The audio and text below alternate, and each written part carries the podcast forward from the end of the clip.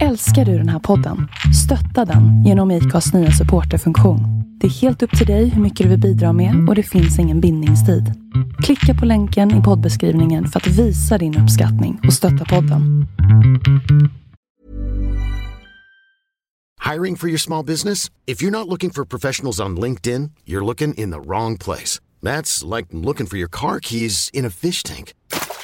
LinkedIn helps you hire professionals you can't find anywhere else, even those who aren't actively searching for a new job but might be open to the perfect role. In a given month, over 70% of LinkedIn users don't even visit other leading job sites. So start looking in the right place. With LinkedIn, you can hire professionals like a professional. Post your free job on linkedin.com slash achieve today.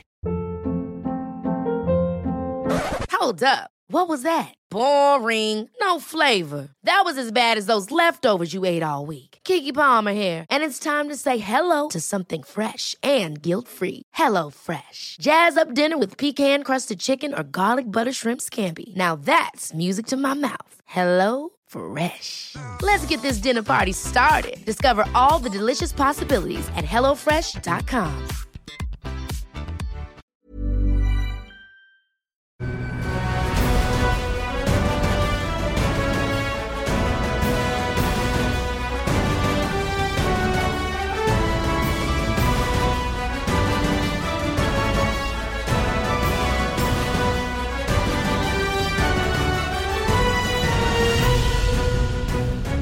Varmt välkomna till MotoGP-podden med Lion och Mårtensson och eh, Andreas.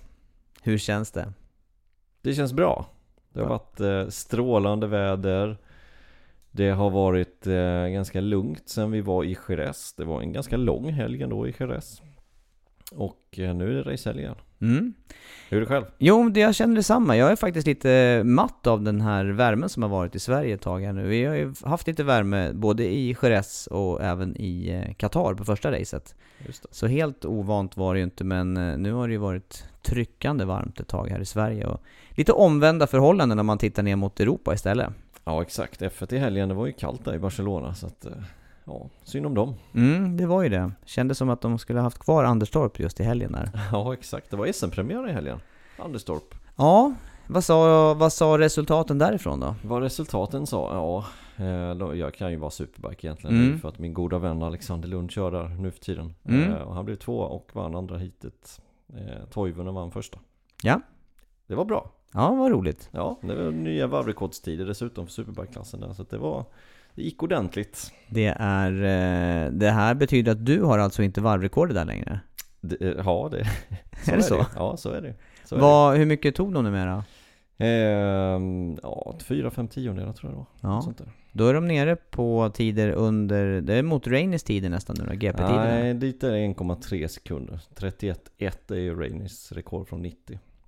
Det är absoluta banrekord för, för hojar på Anderstorp. Och det är ju... Ja, det är fort. Mm, det är fort. 31,1. Då var jag på plats. Ja, du var på plats Mm, då? Ja. var på plats. Men det är inte helt omöjligt faktiskt. De ska ju faktiskt alldeles asfaltera om Anderstorp här nu under sommaren. Eh, Så det ska bli intressant att se vad de kan köra när vi kommer dit. För de ska köra en gång till där i år faktiskt i september. Ja, då, då får man ju verkligen bra värdemätare på vad asfalten gör. Ja exakt, exakt. Så hoppas att vädret är lika bra då som nu. Eh, Och att de slår det där Wayne Raineys banrekord från 90. Som sagt det är ju Det känns som att det är dags nu att radera ut det där. Mm, Det är bra tag sen. Ja, 27 år då, det, 28 ja, men det är år. helt, det är helt sjukt egentligen. Och då förstår man ju lite hur fort de kör. Och även i MotoGP vad det skulle gå att åka med en MotoGP-cykel på Anderstorp till exempel. Ja. Ja, eh, häftigt. Det var bra fart i alla fall och bra race också sä- säger de. Jag var inte där på plats tyvärr men bra race i race 2 där och bra fight hela tiden. Så det är superkul att Superbike i Sverige har fått en, ett eh, rejält lyft här nu till det här, den här säsongen. Mm. Och eh, jag vet att du har eh, snackat om det där banrekordet eh, innan, för din egen del där. Och det, ju, det har jag tyckt varit himla roligt. Men samtidigt så är det ju, det skulle ju, det skulle ju kännas konstigt om de här banrekorden stod sig år ut och år in. Det borde ju rimligtvis ryka med, Ja. med lite jämnare mellanrum, tänker jag. ja, ja. Och, och nu måste jag rätta det, det är inget banrekord, ett varvrekord för Superbike-klassen som jag hade. Ja, så blir det. Banrekord har fortfarande Rain Rainey. Det Men kanske absolut, det, det satte jag 2011 eh, och nu är det 2018 så att Det är lång Eh, tid tycker jag. det är lång tid det har hållit sig. Men, eh, men nu börjar de gasa ordentligt igen och det var, det är kul att som sagt att det har fått ett rejält uppsving till den här säsongen. Mm. Och du inledde det där med F1 och jag vet inte om jag var just på sista F1 men då var ju inte jag många, många dagar eller år. Men jag vet att jag var på F1 där i alla fall när jag var liten liten. 78. Nej, det var ju tidigare. Det var kanske ja, 70... 78. De skulle ju kört 78 men sen så hände det som hände i, i Monza så det blev inget 78. Så 77 vill jag ha för mig sista. Vill ha för mig och vill ha för mig. Jag var inte ens född då men ändå. Ja, ja. Nej, det var någon gång i början. Mitt, början, början eller mitten på 70-talet för min del. Ja, det var inte det vi skulle snacka om allra mest här, men eh, kul, att, eh, kul att det rör på sig då på superbike-fronten här i Sverige. Verkligen. Eh, det behöver verkligen göra det så att vi får fram någon svensk talang som kan köra utomlands. Och jag tänker då, vi kan ju faktiskt hoppa dit eh, och vi kan ju börja lite kort bara och säga det med eh, kontraktsbiten där i, i Moto 2. Eh, apropå Sverige-Norden tänker jag på nu, Nicke Tulli som, som kommer att eh, åka Moto 2 tillsammans med eh, Johan Stigefelt och teamet där. Ja, exakt. Kaj Rodin fick ju sparken eller valde att gå åt sidan efter eh, Jerez. Eh, då blev det ju en Moto 2 ledig där och då blev det Niki Thuli. Kul tycker jag, med lite finskt representation i Moto 2. Och så Thuli också som är ändå en framtidsman. Kom ihåg när han gjorde, det är väl två år sedan nu, 2016, han körde tre wildcard och kom två i samtliga race i Supersport-VM. Det är inte dåligt. Nej, jag vet att jag fastnade också framför de där racen och eh, tyckte han hade väldigt eh, bra tack, eh, kul att se. körde hårt och ändå samlat på, på banan. Så att, ja, det, jag tycker det ser lovande ut för, för Moto 2-styrning. Ja, verkligen. Och sen tog han en seger förra året då när han körde för Kallio Racing där. Och ja, sen så valde han att, eller teamet valde på något sätt, de vägarna skildes åt där och han gick till Honda istället i den här säsongen och inte riktigt fått det att släppa. Ehm, och nu så får den här chansen hos Johan. Mm, det blir spännande. Vi hade ju lite möjligheter att prata med Johan där nere under helgen där och eh, teamet har ju expanderat här under, eh, eller till det här året med en Moto 2-cykel plus de här eh, två Moto 3-cyklarna som man har kört några år nu då. Så att det känns ju som ett team i, i, i expansion. Så känns det ju. Så känns det ju. Um, Yamaha kanske, MotoGP. Mm, de har ju två cyklar. Ja, absolut. Ja. Eh, spännande. Och sen kör man ju även i, eh, i spanska, öppna också, junior-VM där med två förare. Smart gjort. Det är ju den vägen som, eh, som förarna oftast tar nu för tiden. Att gå via spanska mästerskapet och in sen i, i Moto 3-VM. Mm. Slänger du ur det där med, med Yamaha i MotoGP eller finns det någon reell chans till sånt där, tror du? För Johans? Ja. Ja, det är väl lite tight till nästkommande säsong, känns det väl som. Ehm, och sen vet man ju inte vad Rossi och ska göra för någonting i framtiden och sådär. Men, eh, men det hade ju varit kul, tycker jag. Visst är det det, men, men eh, ja, det blir ju nästa stickspår då innan vi, innan vi får hoppa Nej, till Jerez. Just Johans team verkar ju ha organisationen bakom att kunna driva ett MotoGP-team också. Absolut. Tycker jag. Ja. Alltså om de hade velat, om man nu får säga så. Men just med Yamaha där, vi hade ju eh, samtal med eh, Linn Jarvis i Qatar. Eh, och eh, frågade just om det här med, eh, med eh, satellitteam och vad, hur mycket man använder det som utvecklingsteam och så vidare. Då. Jag vet inte om jag tyckte att eh, vi fick någon klarhet i om man behöver ha två extra cyklar, om han tycker det eller om, det, om de ligger så långt ifrån så att det ändå inte är, ger utvecklingsmässigt någonting. Nej, jag vet inte heller när det gäller riktigt Yamaha, men när det gäller de andra, Ducati har ju, har ju Petrucci och Honda har ju Crutchlow och det går ju rätt bra för dem och eh, det verkar vara en bra strategi, någonting som inte Yamaha har valt. Att köra just den strategin. Nej, nej jag, jag väntar på att man ska göra det. Jag tycker att eh, som det har sett ut nu här så, så tycker jag att det skulle behövas en liten eh, kick för, ja. för att komma ikapp eller komma igång eller hur man nu ska uttrycka det för Rossi och Vinales. Ja, så är det ju. Men vi ser inte, alltså de har ju Sarko och ja, han är ju bästa Yamaha i mästerskapet. Endast oh. 12 poäng efter Marquez. Så det går inte så dåligt och, och hans och Syrins hoj skiljer sig åt. Det ser man ju med blotta ögat att det är inte samma typ av motorcykel. Nej, så är det ju. Så att det är ju Sarkos, eh, är ju Sarko som man i så fall får använda det. Men, men då är det å andra sidan eh, frågan hur olika är den cykeln egentligen då ja, till fabrikscyklarna? De har ju inte en uttalad strategi som Honda och Ducati har. Eh, men sen så vad som egentligen försiggår det vet vi inte riktigt. Nej. Nej, faktiskt inte. Nej, det är spännande. Det är mycket, mycket lösa trådar som man eh, kan nysta i. Särskilt tycker jag då när, eh, när vi har möjlighet att gå runt i eh, bandepån och ja, dels stöta på personer ur, team och, och förare och ja, vaska fram information från olika håll. Ja, ehm, det finns ju lite rykten som går, så är det ju. så är det alltid. Och just silly season är ju, det känns som att det är prime time just för det just nu. Det, det är lite spänningar i förarmarknaden, var folk ska ta vägen. Eh, och vilka möjligheter som öppnas för de andra förarna. Ja, och det är förvånansvärt många då. då om vi nu går till Jerez där, racehelgerna inleds ju alltid med eh, presskonferens. Ja. Eh, nu var det ovanligt många förare på plats på presskonferensen inför. Jag skulle säga, som jag minns det, sju Var det stycken. sju till och med? Ja, jag tror Ja, det det var så var det. Det var Mm. många. Eh, i, vilket fall, det kom ju lite frågor kring eh, det här med kontraktssituationen där och vi har ju till exempel båda fabriks-Ducati-förarna, Dovizioso och eh, Lorenzo, som ännu inte har gjort klart med nästkommande säsong. Nej, det har de inte gjort. Och det känns som att det är Dovizioso som är, är punkten helt enkelt. Var ska han ta vägen någonstans? Ehm, Och, och det är ju frågan. Ska han vara kvar eller ska han gå? Han har ju kört Yamaha, han har kört Honda och han har nu mycket erfarenhet hos Ducati. Han har inte kört fabriks Yamaha va? Nej, det har han inte. Eh, Men han har kört fabriks Repsol Honda har han kört. Mm. Då var de tre cyklar något år. Eh, De var säkert två cyklar också tror jag. Innan, innan Stoner kom in i bilden också. Eh, Så att eh, det ryktas ju att han är på väg tillbaka till Repsol Honda. Det var ju där, de ryktena som gick i, i depån i, i Jerez. Men om det är en taktik eller inte från Doviziosos sida att lägga fram det. Ja, för han, för han, var ju, han var ju inte något hemlighetsfull i, i den frågan. Utan han konstaterar ju att ja visst, vi, vi pratar med Ja, olika fabrikat och det är inget konstigt med det. Och bland annat Honda. Ja, exakt. Eh, och sen om det är en, förhandlings, en, en förhandlingsgrej som han gör för att höja sin lön hos Ducati eller inte, det vet vi inte. Men det, det, det känns ju ändå som att Dovizioso ska vara kvar där. I mina, I mina ögon, med, med den erfarenhet som han har nu, så skulle han säkert göra helt okej i, eh, även i Honda-teamet. Men kanske inte så bra som han gör just nu hos Ducati. Och sen blir det ju det här som, jag tror du var inne på det här med eh, kring, eh, kring eh, när vi snackade om Sarko och att han skriver Ja. på för KTM. Ja, Då ska, då ska han slå, då ska Dovizioso då slå Marquez på Marquez cykel. och, och det är inte lätt. Nej, Med en cykel nej. som är byggd efter Marcus. Att, Nej. att han kom så pass bra i mästerskapet förra året och inlett den här säsongen också på ett bra sätt. Nu gjorde han, nu gjorde han till slut gjorde han en bra, ett bra race i Jerez. Till den här incidenten som vi då kommer komma tillbaka till. Eh, Men då har Ducati en liten fördel på vissa banor och då presterar Dovizioso. Men hur skulle det vara om de har samma nivå? Mm, ja, jag är lite tveksam till det.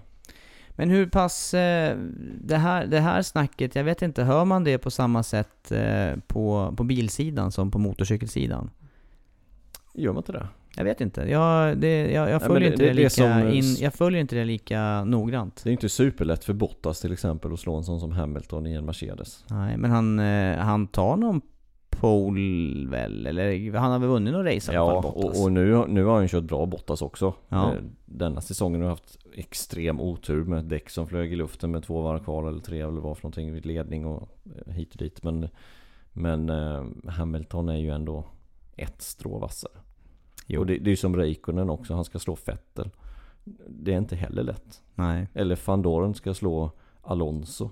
Det är inte heller lätt. Nej, men är det att de bilarna då är utvecklade så mycket efter de, just de förarna som sitter där som, som försteförare då? Eller är det att försteföraren i det fallet är så pass mycket mera kapabel eller har sån extra talang? I just F1 så tror jag vi får prata med Janne. Ja, vi får nog göra det. Vi får bjuda in honom som ja, expert. vi får göra det. Och prata hur, hur han, Janne Blomqvist, hur han ser på, på saken med F1. Ehm, Men just, just när vi kommer till Repsol, Honda och Marquez eh, Då är det inte lätt att sitta på en annan cykel. Nej. Ja, den, den styrningen är nästan svårast skulle jag vilja påstå. Att komma in och prestera lika bra som Marcus. Ja. Jo men det, det skulle jag med, det, Och- det, det tycker jag också Andreas. Eh, Du, du håller med mig? Ja det gör jag. Men även att komma in och prestera på den nivån som Dovizioso gör i Ducati har ju visat sig vara en, en nöt att knäcka för Lorenzo. Mm. Nu kanske Lorenzo har en extrem körstil på ett annat sätt. Så det kanske hade gått bättre med någon annan toppförare, typ Vinales Rossi. Vem vet? På dagens Ducati. Mm. Men det är ju många som har provat genom åren och misslyckats. Jo, jo, jo. Ja, det är på något sätt, eh, jag, jag, Marcus förartalang är ju någonting alldeles, eh, alldeles extra. Det, det måste jag säga. Det, jag tycker vi Ja. ser det var och varannan helg. Vi såg det igen i där. Det såg ju den där incidenten under racet när det låg eh, grus utdraget efter Ja. Rins krasch. Visst. Hur brett var inte det, den där sladden? Ja, Lyttis krasch var det ju för sig men... Ja, var det Lytti som drog ut? samma. Ja, det kanske det var Det ja. var samma sväng. ja. Men eh, ja det, det är ju bara Marquez som på något sätt reder ut de där sakerna Men å andra sidan så sätter han sig i de situationerna också ja, det är lite oväntat, tycker jag. Vilket inte eh, de andra tre förarna som låg precis bakom gjorde Nej. Nej, det tycker jag fortfarande är lite oväntat. Han, och det, det, han sätter ju sig i konstiga situationer. Det, det har vi, bör vi bara backa till Argentina så, så satte han sig i en, alla möjliga situationer. Ja I, I onödan i mina ögon. Just det racet var det ju så Ja, faktiskt. Ja, nej men talangmässigt, körmässigt så har vi ju sett fantastiska saker utav eh, Marcus genom åren, de åren han har åkt. Och det gäller ju både i eh, Moto 3, Moto GP och eh, däremellan i Moto 2 också. Ja, visst är det så eh, Extrem förartalang, det är inget snack om saken och eh, det är svårt att vara teamkamrat med Marquez Så du håller i alla fall eh, Dovi för trolig och eh, att stanna kvar hos eh, Ducati. Ja, skulle jag gissa så skulle jag gissa på det Ja, Då är det ju faktiskt fler förare som har eh, kontrakt kvar att eh, signera. Vem faller på efter Dovizioso tror du att, eh, att skriva på? Då tror jag, om det nu blir så, så tror jag Pedrosa. Eh, för då, då är dörren stängd helt enkelt för, ja, för att komma in där skulle jag gissa på. Vem skulle annars Repsol ta in som andra förare? Du tänker att Repsol kommer att kontraktera Pedrosa återigen? Ja, det tror jag. Det tror jag. Jag tror att det blir så i så fall. För vem skulle Repsol annars välja? Nej, i nuläget så är ju, det blir ju, det blir ju smalare och smalare Ja. marknad. Sarko är borta. Miller är ytterst tveksamt när han gick från, från Honda förra året. Eh, Lorenzo, mm, ja, tveksamt. Mm.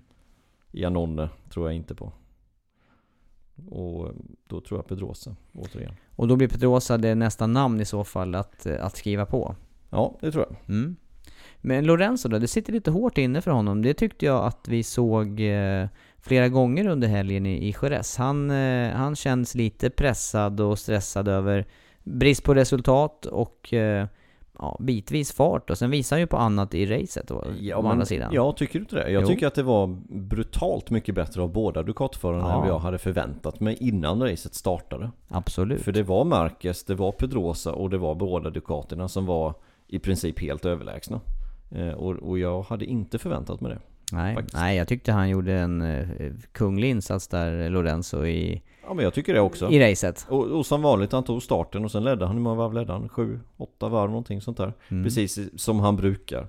Eh, och sen så droppar hans tempo lite grann då Marcus kunde försvinna sig förbi. Men, men eh, han är ju svår att köra om, det är ju inget att snacka om. Nej, det fick vi ju se exempel på. För er som inte såg racet där då, men det har väl antagligen de flesta gjort, så, så vann ju Marquez till slut racet före Sarko och Iannone. Och det var ju inte så det såg ut med, eh, jag minns inte exakt hur många varv det var kvar där med, med fighten då mellan eh, Lorenzo, Dovizioso och Pedrosa som, ja, ska vi säga att den urartade i, i ett, ett och samma moment. Ja, det, det gjorde det nu. Var det sex varv kvar någonting sånt där? Sex, Ja, jag skulle säga att det ja, var något sånt. Ja, när de krokade ihop i kurva 6. Det ena ledde till det andra som ledde till det tredje och sen låg alla tre samfållan. Ehm, och, och det är ju inte ofta man ser just de tre köra ihop. Det är ju de tre, det är ju som de säger själv, det är ju de tre nästan cleanaste förarna som är på griden. Ja, hur länge väntade inte Dovizioso med det här omkörningsförsöket för att det skulle bli så rent och snyggt som Ja, möjligt mot Precis. Lorenzo? Ja, exakt. Precis som de alltid kör mot varandra helt enkelt. Pedrosa har väl gjort lite fler misstag kanske än vad de andra har gjort och dragit med sig förare. Men, men eh, de är inte kända för att vara fula på banan. Köra fult eller köra med små marginaler på det sättet. Nej. Men du, vad var det som hände egentligen då? Dovizioso bromsade upp på insidan utav Lorenzo efter bakrakan. Ja, missade inbromsningen. Eh, bromsade för sent helt enkelt i sin iver att ta sig förbi. Lorenzo kunde inte i det läget svänga in i sitt vanliga in, insvängningspunkt helt enkelt. Utan drogs med lite utav det där. Och när han väl skulle gå på insidan av Dovizioso igen så tajtar han till svängen rätt rejält och där kommer Pedrosa. Och det blir sammanstötning mellan Pedrosa in i Lorenzo, Lorenzo cykel som klipper fram hjulet på Dovizioso som är på utsidan. Mm. Och alla tre åker omkull. Och det där gick ju så fort som man hann ju knappt, man, man, man, man tappade ju nästan hakan i den där sekvensen. Det var ju, det var ju bara, vad händer? Ja, lite så är det faktiskt. Vad är det som händer? Ja. Tvåan, trean, fyran i racet. Gör bort sig på det sättet. Strike. Strike, ja. Du visade ju ett ganska roligt eh, foto efteråt därifrån, ifrån eh, Doviziosos försök att ta sig vidare i racet. Ja, han skulle... Man, dessutom såg man bara en nia på framkåpan från Lorenzo cykel. Så att Dovizioso reste upp Lorenzo cykel och skulle åka vidare. Det gick ju inget bra. Nej. Frågan är om man inte skulle kunnat komma iväg med sin egen. För den såg inte ut att och fått så mycket stryk faktiskt. Nej, den såg ju bara ut att kana lite på sidan. Ja, faktiskt. Ja. Det kan ju givetvis gasantag, bromsgrepp eller vad som helst kan ju gått av. Men...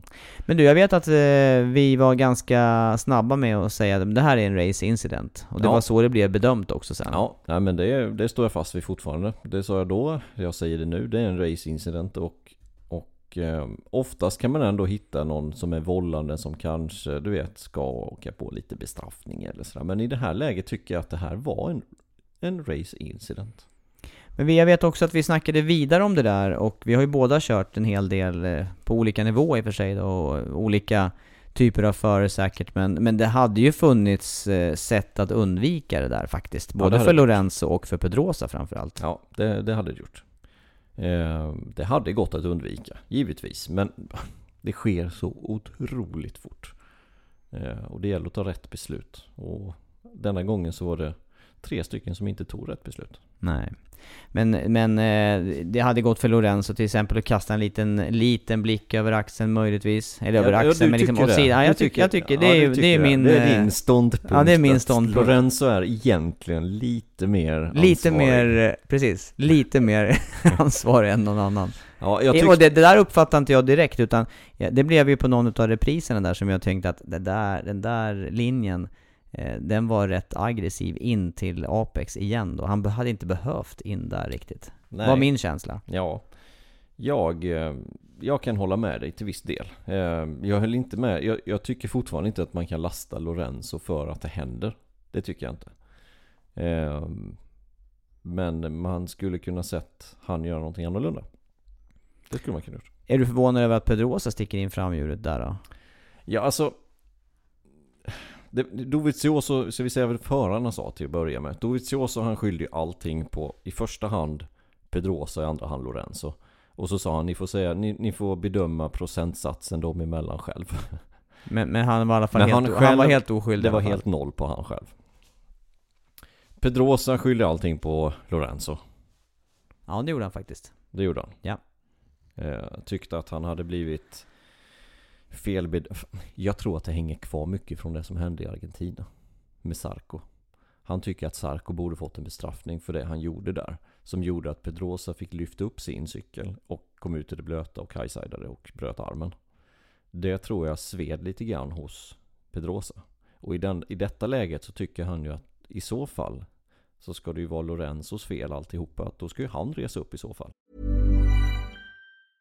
This is Paige, the co-host of Giggly Squad, and I want to tell you about a company that I've been loving, Olive and June. Olive and June gives you everything that you need for a salon quality manicure in one box. And if you break it down, it really comes out to $2 a manicure, which is absolutely insane. It's also so easy to get salon worthy nails at home with Olive and June. The difference between how your nails used to look when you did them yourself and now with the Manny system is a complete game changer. The best thing about Olive and June too is it's a quick dry. Dries in about one minute, lasts for five days, and full coverage in up to one to two coats. Visit oliveandjune.com slash perfectmanny20 for 20% off your first system. That's oliveandjune.com slash perfectmanny20 for 20% off your first system.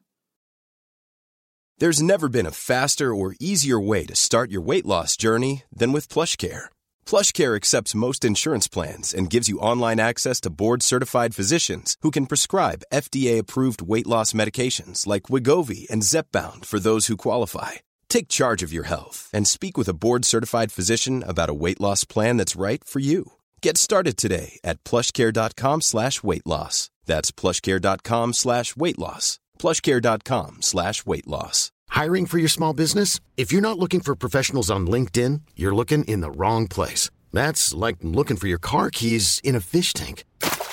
LinkedIn helps you hire professionals you can't find anywhere else, even those who aren't actively searching for a new job but might be open to the perfect role. In a given month, over 70% of LinkedIn users don't even visit other leading job sites. So start looking in the right place. With LinkedIn, you can hire professionals like a professional. Post your free job on linkedin.com slash achieve today. Det är hans logik. Mm. Eh, vilket jag kan köpa till viss del. Absolut. Men han tyckte allting var Lorenzos fel. Och Lorenzo han ville egentligen inte ut, uttala sig. Han, han ville inte prata om det. Nej, han, han var ju den som, som skruvade på sig allra mest. Men det kan ju också hänga ihop med hans eh, lösa sits överhuvudtaget eh, kontraktsmässigt. Han vill, han vill ju egentligen inte... Det såg ju faktiskt ut som att han inte ville vara där överhuvudtaget på, på Ducatis egen Ja. presskonferens. Ja, jag vet att du var lite inne på det. Att du, du tyckte ju att han såg skyldig ut. Ja, han gjorde ju det. Om man nu kan döma Ja. någon på det.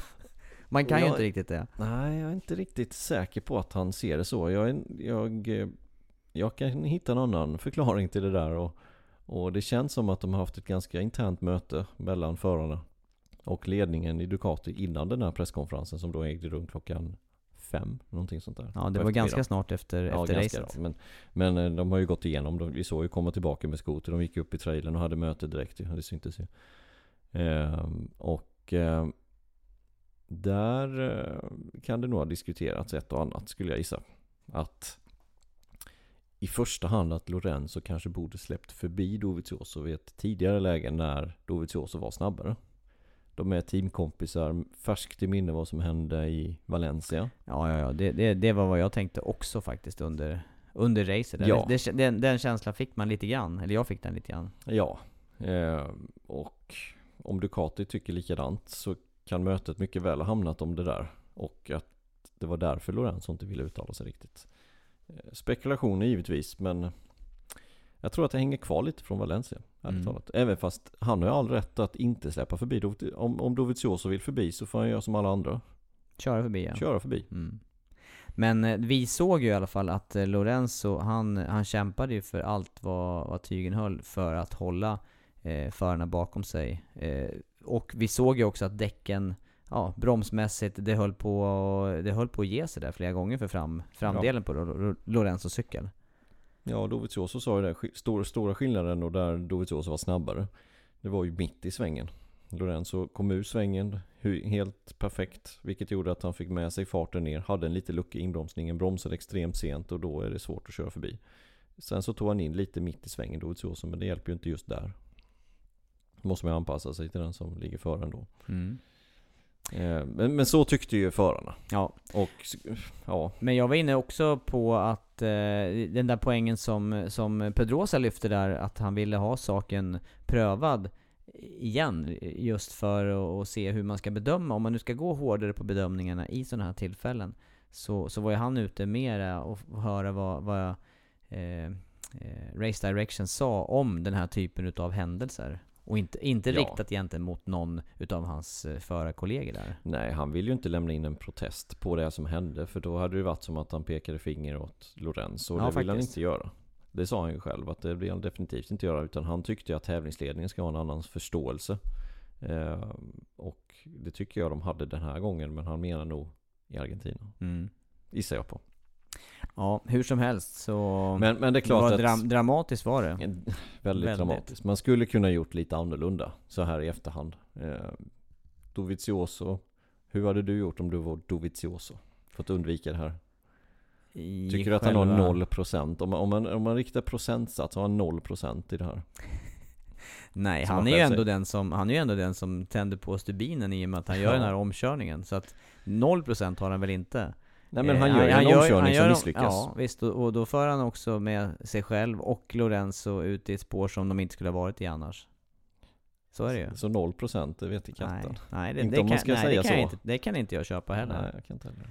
Men å andra sidan, när han väl är där ute, då är han ju ganska oskyldig. Då tar han ju faktiskt ett ganska brett spår och, Ja, och, Och titta in. och tittar inåt. Ja, Ja, ja. exakt. Lorenzo, Två saker som inte Lorenzo gjorde. Tar ett rätt spår och kollar inåt. Lorenzo då, vad skulle han ha gjort annorlunda? Ja det var ju det. Han skulle ha satt en liten backspegel. Det får ju plats där ute på vingen där, längst ut på aerodynamiklösningen.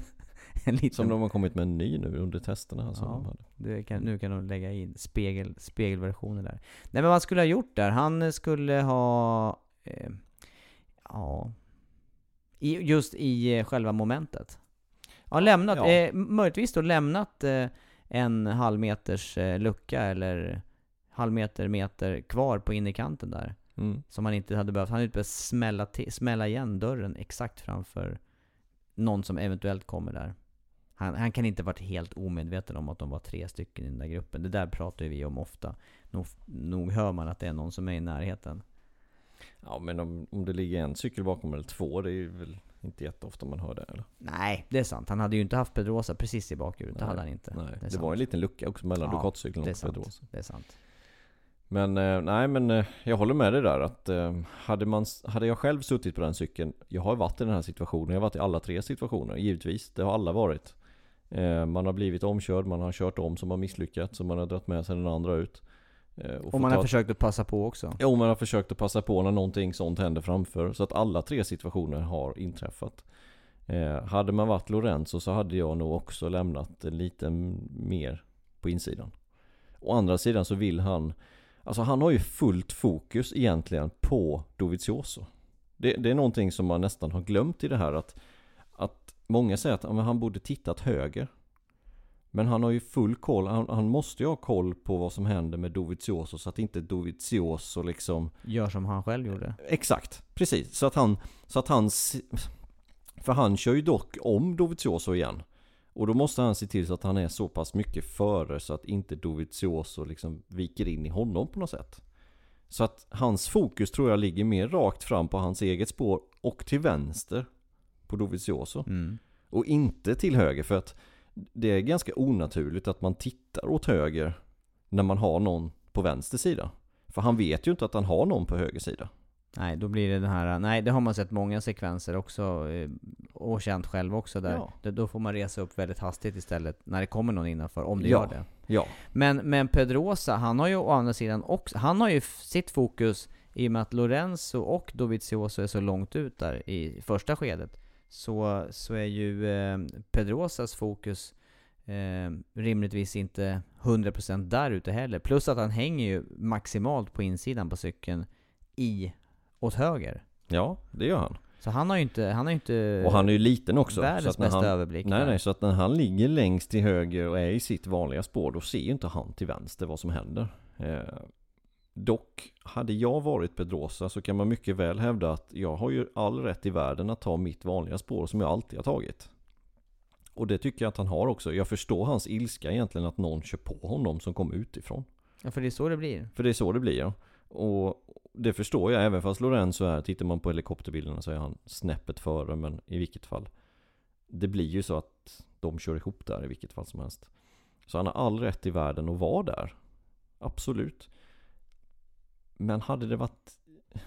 Hade jag varit i den situationen så hade jag nog försökt att läsa det på ett lite annorlunda sätt. Det tror jag. Å andra sidan vet man inte, han går fullt stenhårt på bromsen. Han kanske inte kan göra så mycket annat. Vem är det du tänker på nu Pedrosa. Nej. Han kanske inte kan göra någonting annat. Han kan, han kan egentligen bara hålla sin linje. Han har bromsat redan, han kan inte bromsa tidigare för att Ja, han har ju redan börjat att bromsa när incidenten framför han händer. Hade man haft lite marginal så hade man kanske valt att avvakta lite. Men det är också som du säger här, de, eh, det, har- de har ju inte mycket marginal på Nej, under race. Alltså, de- de kör sitt max mer eller mindre hela tiden. hela tiden. Ja. Hela I tiden. varenda sväng. Ja. Det är ju det som skiljer de här förarna åt eh, alla andra förare. De Ja. här kan ju köra på sitt max eh, och, och komma undan med I det 25 hela. varv. Ja, Mm. i, i varenda sväng. Så att det är svårt för Pedrosa också. Jag vet bara med mina marginaler Mm. Om man hade kört ett ERF Ja, för, till an, exempel. för antagligen hade man där, haft va? någon procent eller två över. Ja, och då kanske man kunde Ja, tajtat bromsen lite, lite till. Och missat sitt eget spår lite för att hålla lite bättre koll på vad som händer framför. Så att inte någon gör just som Lorenzo gjorde. Även fast jag tycker att eh, Som sagt, jag tycker också så här i efterhand att Lorenzo är väl den som Borde tänkt efter lite till också. Ja, hur som helst så, så var det här ett stort samtalsämne efter, eh, efter racet i Jerez. Det var Men- en race incident. Det var en racincident. det var det. Det gjorde i alla fall att Marcus vann racet och eh, drygade ut VM-ledningen och, och eh, leder mästerskapet för eh, Sarko och sen Vinales. Och eh, det börjar bli poäng nu ner till eh, de här tyngre konkurrenterna som man räknar med innan säsongen. Jag tänker då på till exempel eh, Dovizioso, Rossi, som, som är en bra bit ner nu. Ja, och David som ledde mästerskapet eh, inför Jerez eh, höll på att rädda en jättemånga poäng, 20 poäng. Han höll faktiskt på att bli tvåa där. Jag är rätt säker på att hade han bara väl kommit förbi Lorenzo så hade det tagit två svängar så hade han haft en tillräckligt stor lucka för att bli tvåa. Istället för fyra poäng så blev det 24. Mm. Ehm, det är tufft. Tufft för Dovizioso som verkligen behöver ha en hög lägstanivå. Och det har han visat i Argentina, han visar i Texas när han gör så gott det bara går. Ehm, och så kommer den här plumpen då. Ja, det kommer att, det kommer att vara en, eh, återigen en viktig racehelg som, som väntar här nu bara om ett par dagar. Eh, då är det Frankrike som vi ska se fram emot, och Le Mans. Ja, det är det. Det ska bli kul. Vad... Eh, om, man, om det nu var dramatik eh, senast här, så, så var det även dramatik på Le Mans för ett år sedan när, när Rossi och eh, Vinales fightade som segern ända in till sista svängarna på racet. Ja, exakt. Var det kurva 9 någonstans där? 10 kanske som, eh, som eh, Rossi gick omkull i sin iver att ta sig förbi Vinales igen. Mm. Han hade gjort ett misstag i garagevär. Ja, Heter den sen, så? ja det heter den. Och det var därför jag hajade till på siffrorna där. De där, de där svängarna, jag tror att du nämnde det för mig där. Det, om, om du sa att jag hade kört miljontals varv där, men tusentals är det i alla fall. Just det. Så jag kan ju mer namnen där. Eh, Garagevär var det bland annat, som man missade i. Och sen var det ju Vurpan då i Esplö in i, mot slutet där. Just det. Ja, eh, Le Mans som eh, bjöd på solsken förra året i racet. Och eh, det ser ut som att det kan bli en solskenshelg vädermässigt även den här helgen. Mm. Kul. Jag tycker det är kul. Det, det, blir, eh, det blir ju en... eh, Det blir en racehelg där det, där det går att köra max hela tiden. Det tycker jag det är ballt med, Ja. med bra väder. Ja, det är inte ofta som att det är bra väder där heller. Det är ofta vi har sett regnrace där. Mm.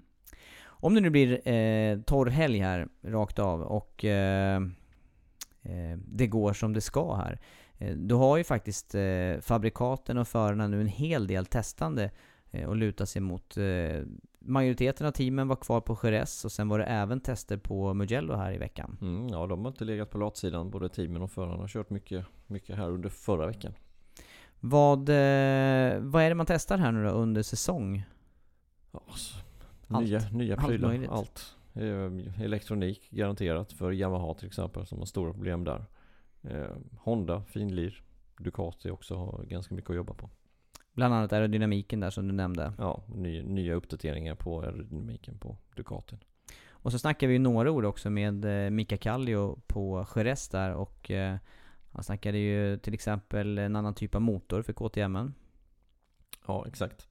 Eh, vänt rotationsriktningen på den motorn som Kallio körde med under helgen i Jerez. Den fick även Paul Sparger att prova och eh, fortsätter säkert utvecklingsarbete på den, den motorn för att få den ännu bättre.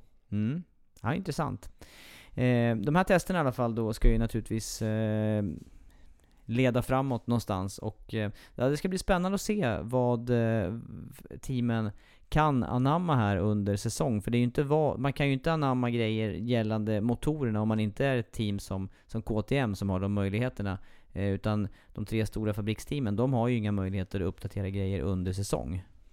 Nej, det har de inte. Deras motorer är låsta. Det är sju motorer på en säsong och de får inte göra några utvecklingsarbeten på den. Det får ju dock de andra tre märkena göra. Även fast Suzuki börjar hänga lite löst där nu. De har ju, de har ju tre poäng i och med deras tre tredjeplatser de har haft nu tre senaste racen.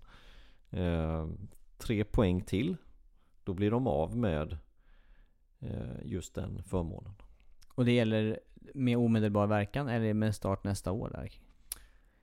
Jag Ja för mig att man får köra... Ja, motorer är nog, motorer är, om inte jag minns fel, året ut. Mm, Men däremot testverksamheten, då är det fem dagar från det inträffar. Mm, det kan skilja sig där. De Mm. har ju varit i den här sitsen tidigare. Eh, Ja. Suzuki. Och då, då stod det ju stilla här lite grann under fjolåret framförallt. Exakt, efter Vinales goda resultat 2016. Ja. Då tog de för många sådana där poäng eh, som gjorde att de blev av med de här förmånerna. Men förra året var ju katastrofår för Suzuki. Ja, det var ju det. Men vi har, eh, vi har två vassa chaufförer där i alla fall. Iannone då som har slutat på pallen här, två tredjeplatser i rad och sen Rins som också står utan, utan kontrakt. Vi var inne på den där kontraktskarusellen då. Det, det är också förare som, som väntar på sin tur i den här snurran. Ja, På något vis. visst är det så. Visst är det så. Eh, frågan är vad Lorenzo gör i det läget. Skriver han på för Ducati så Även fast ryktet säger att Janone inte är omtyckt och är på väg ifrån Suzuki så har han dock haft två tredjeplatser nu de sista två racen. Det, det stärker ju aktierna givetvis och skulle Lorenzo skriva på för Duck igen eh, Då tror jag faktiskt att Janone stannar. Men nu är ju ryktet återigen rykten att eh, Lorenzo går till Suzuki och då vet jag inte riktigt vad Janone ska ta vägen. Nej. Nej, och... Då Eh, säger ju ryktet Pramac just i det läget. Och Ducati vet att den kan köra sen tidigare. ja, exakt. Och att de då flyttar upp Jack Miller är ju senaste ryktet då till, till fabriksteamet. Mm, Istället bli- för Petrucci. Kan bli eh, så kallad, eh, vad heter det här nu då på svenska? Hela havet stormar är det lite grann. Vilka, vem? Ja. Det känns som att någon kan bli utan en bra styrning till slut, som, som kanske skulle vara förtjänt utav det. Ja, i och med att Bagnaia tar ju en utav eh, Pramac-cyklarna. Eh, så är det ju så. Mm. Någon kommer ju att, att ryka känns det Ja, som. ja, visst. Och sen ska Miguel Oliveira in också i MotoGP. Ja, men han går ju dock till ett, ja, som man säger, inte nytt team men, men satellitteam då, Tektra KTM. Där Ja. finns en styrning kvar i och för sig. Ja. Ja, mycket snurr hörni med, med namn och, och fabrikat som är öppna för, eh, för att ta in nya förare. Men, men Le Mans-helgen här nu då som väntar. Vädermässigt, förhoppningsvis bra uppehållsväder, varmt 20-25 grader ser det ut som. Och eh, det här är dock en bana med lite annan karaktär jämfört med, eh, med Jerez. Eh, aningen mer start och stoppkaraktär på den här banan. Ja, jag, jag har ju som sagt bara åkt bil runt den här banan. Så det är bättre du tar över just var, inte var inte det dramatiskt? Jo det var det, för det var ju det var rätt mycket regn. Så tar du över det här istället. Men start och stopp det är det ju absolut, det kan man ju se. Och, och eh, det borde ju kunna gynna eh, Ducati, men vi såg ju samtidigt hur bra Yamaha-cyklarna gick här förra året. Ja. Jag är lite förvånad faktiskt över hur, hur bra de båda gick där för fjolåret. Ja, där det var trippelt Yamaha faktiskt på pallen efter deras katastrofrace som de hade i Jerez det året också. Mm. 10 och 6 eller någonting Ja. sånt där, Rossi Vinales. Och så kommer de dit och etta, tvåa med Sarko 3. Mm. Och nu var det ju katastrofrace igen här egentligen. Eller, ja. Utan krascherna så hade det ju varit eh, riktigt illa. Ännu mer katastrof. Ja. Absolut. Så hade vi Marquez som kraschade också. Jag tror han låg fyra i det läget när han kraschade. Förra året. In i kurva, ja kurva två blir det ju. Genom kurva Ja, just ett, det. där inbromsningen. Mm. Ja, nej, det ska bli spännande att se hur eh, det här mästerskapet utvecklas och än så länge då så har ju eh, det mesta gått eh, Marquez väg. Men vi ska ju inte glömma bort att han faktiskt nollade i Argentina så att även Marquez har ju en nolla trots VM-ledningen nu. Mm. Så är det. 12 poäng till Marquez över Sarko som naturligtvis har press från hemmafansen men även så verkar han trivas i den sitsen att köra MotoGP på hemmamark och han har ju han har ju, nu har han ju faktiskt eh, visat här att han är en förare som jämt kan vara med och slåss. Ja, ja absolut. Alltså, nu är han ju en utav toppförarna. Han ligger två i mästerskapet efter fyra race. Och... Ja, pallplats senast. Två andra platser den här säsongen, det är ju det är imponerande. Mm. Ja, det ska bli häftigt att se vad han kan göra eh, den här helgen som kommer nu då. Ska vi tippa eller? Ja, vi börjar väl närma oss det tycker jag. Mm. Ska jag börja? Ja, gärna.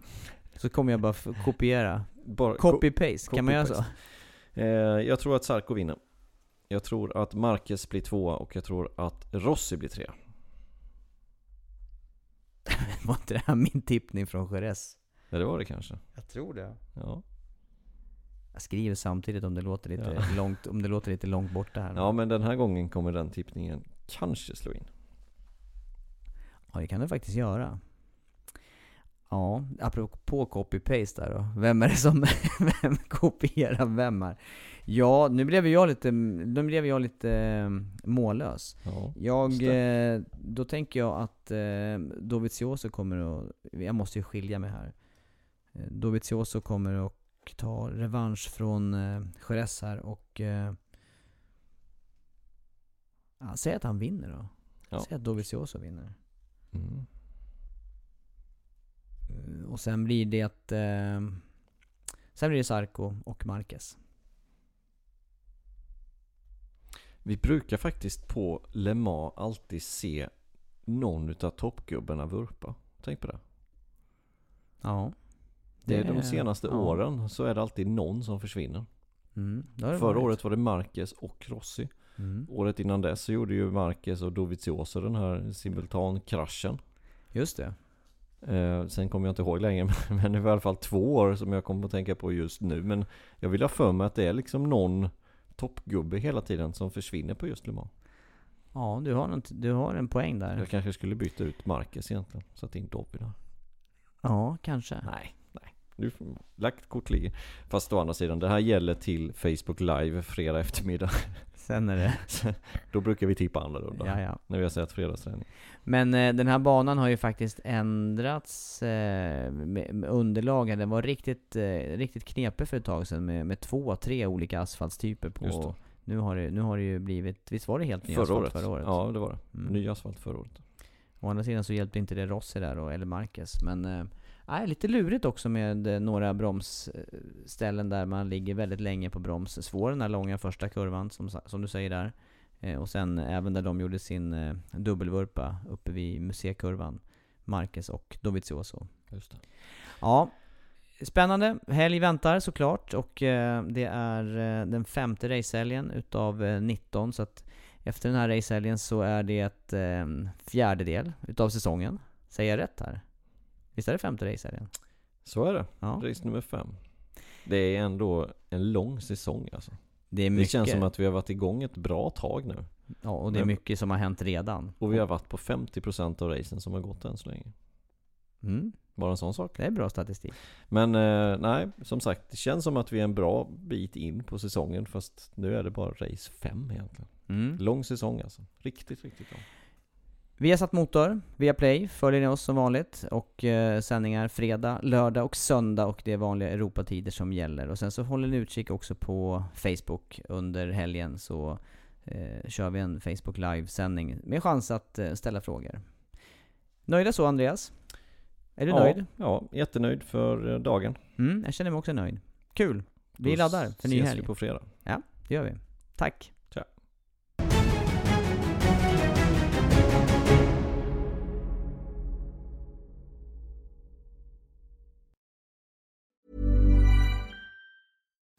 Imagine the softest sheets you've ever felt. Now imagine them getting even softer over time. That's what you'll feel with Bowl and Branch's organic cotton sheets. In a recent customer survey, 96% replied that Bowl and Branch sheets get softer with every wash. Start getting your best night's sleep in these sheets that get softer and softer for years to come. Try their sheets with a 30-night guarantee. Plus, get 15% off your first order at bowlandbranch.com. Code BUTTERY. Exclusions apply. See site for details. Ever catch yourself eating the same flavorless dinner three days in a row? Dreaming of something better? Well, HelloFresh is your guilt-free dream come true, baby. It's me, Kiki Palmer. Let's wake up those taste buds with hot, juicy pecan-crusted chicken or garlic butter shrimp scampi. Mm. Hello Fresh. Stop dreaming of all the delicious possibilities and dig in at HelloFresh.com. Let's get this dinner party started.